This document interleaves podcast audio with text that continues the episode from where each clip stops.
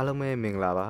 Spring University မြန်မာနွေဦးတက္ကသိုလ်ရဲ့ podcast အစီအစဉ်ကနေပြီးတော့ပြန်လည်ကြိုဆိုလိုက်ပါရစေဒီနေ့စီစဉ်ကတော့ Missima Radio နဲ့ Spring University မြန်မာနွေဦးတက္ကသိုလ်တို့ပူးပေါင်းတင်ဆက်ထားတာပဲဖြစ်ပါတယ်ဒီဘက်ဆက်လက်လက်ဆက်ပေးသွားမယ့်အကြောင်းအရာကတော့ LGBTQ+ ပိုင်းကြောင်းပဲဖြစ်ပါတယ်အားလုံးပဲနှာတော့တာဆင်မိကြပါအောင်ခင်ဗျာ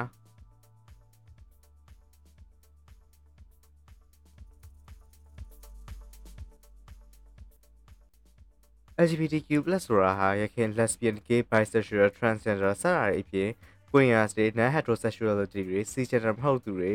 အာ questioning ဖြစ်နေသူတွေ asexual တွေပါရည်ညွှန်းတဲ့စကားရဖြစ်ပါတယ်။ Rainbow Star ဟာဒီအတိုင်းဝိုင်းကိုကိုစားပြုပြီးတင်ကြတတ်ရလည်းဖြစ်ပါတယ်။ယခုအချိန်မှာတော့လူမှုအတိုင်းဝိုင်းက LGBTQ+ တွေဖြစ်တည်မှုကိုလက်ခံလာပေမဲ့အတိတ်သမိုင်းကြားမှာတော့အခုလိုမချောမွေ့မလွယ်ကူခဲ့ပါဘူး။နိုင်ငံအချို့ကလည်းလေလူဆက်ဆက်ချင်းကိုတရားဝင်သဘောတူလက်ခံလာပေမဲ့တစ်ချိန်မှာတော့ LGBTQ+ တွေပုဂ္ဂလိကဖြစ်တည်မှုကရာဇဝတ်မှုဖြစ်ပါသတ်မှတ်ခံခဲ့ရဦးပါတယ်။ဒုတိယကမ္ဘာစစ်မှာနာဇီတွေကိုအောင်ပွဲခံနိုင်စေခဲ့တဲ့ဖွဲ့စာဖော်ဆက်နဲ့လူသမိုင်းတခြားပထမဆုံးကွန်ပျူတာထွင်ခဲ့တဲ့အင်္ဂလိပ်ကွန်ပျူတာသိပ္ပံပညာရှင် Alan Turing ဟာသူ့ရဲ့လေတူချိတဲ့ချင်းကြောင့်ရာဇဝတ်မှုနဲ့တရားစွဲဆိုခံရပြီးအကျဉ်းချခံဖို့နဲ့ကြားဟော်မုန်းစီထိုးဖို့အကြောင်းရွေးချယ်စေခဲ့ပါတယ်။ Alan Turing ဟာကြားဟော်မုန်းစီကိုထိုးဖို့ရွေးချယ်ခဲ့ပေမဲ့1954ခုနှစ်မှာတော့သူဟာကိုကိုကိုအဆုံးစီရင်ခဲ့ပြီးရာဇဝတ်သားတယောက်ဖြစ်နေတာတည်ဆုံးခဲ့ရပါတယ်။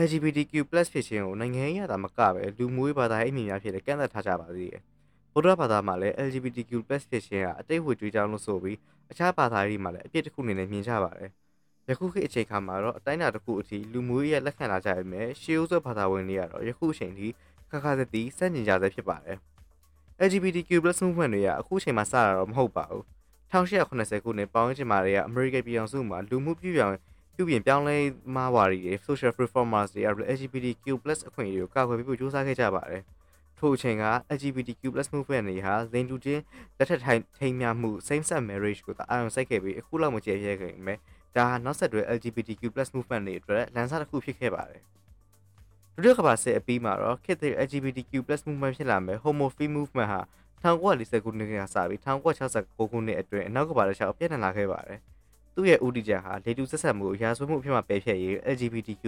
ထိုစရဲ့ homophile လို့သုံးနှုန်းတဲ့သူတွေရဲ့ဖြစ်တည်မှုတွေချစ်ချင်းတွေကိုအလူမှုအတိုင်းအဝန်ကလက်ခံလာရေးတွေဖြစ်ပါတယ်။ဒါပေမဲ့ထိုအချိန်တော့မီဒီယာတွေလှည့်လုံရှုမှုကိုခံခဲ့ရပြီးထင်တဲ့လောက်ခီးမရောက်ခဲ့ပါဘူး။1965ခုနှစ်မှာတော့ American ပြည်အောင်စု Philadelphia ပြည်နယ်လွတ်လပ်ရေးခမ်းမ Independence Hall အရှိမထားပေါင်းများစွာသော LGBTQ+ အတိုင်းဝိုင်းတွေက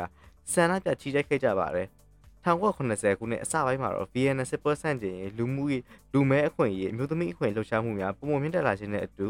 LGBTQ+ movement LGBT movement ကိုထိုးစင်းရသုံးနှုန်းတဲ့ movement တွေကပုံမိုးရော radical ကျလာပါတယ်တက်ကြွလှုပ်ရှားသူတွေလည်းပုံမှန်မြင်ပြလာပြီး Gay Liberation Front Gay Activist Alliance တို့လိုအဖွဲ့အစည်းတွေလည်းပေါ်လာခဲ့ပါတယ်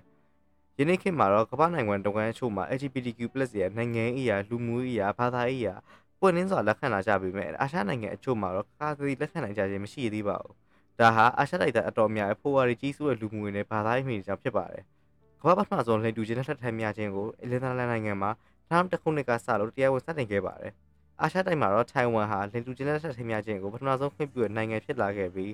2019ခုနှစ်မေလ24ရက်မှာတော့စတင်အသက်ဝင်ခဲ့ပါတယ်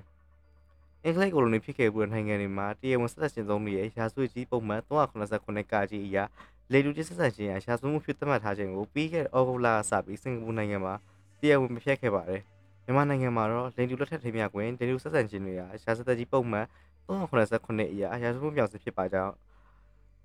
Spirit University မြန်မာဝိုင်းတော်သားများမှာတင်ဆက်လိုက်ပါတယ်။နောက်ထောင်မီအားလုံးကိုကျေးဇူးတင်ပါတယ်ခင်ဗျာ။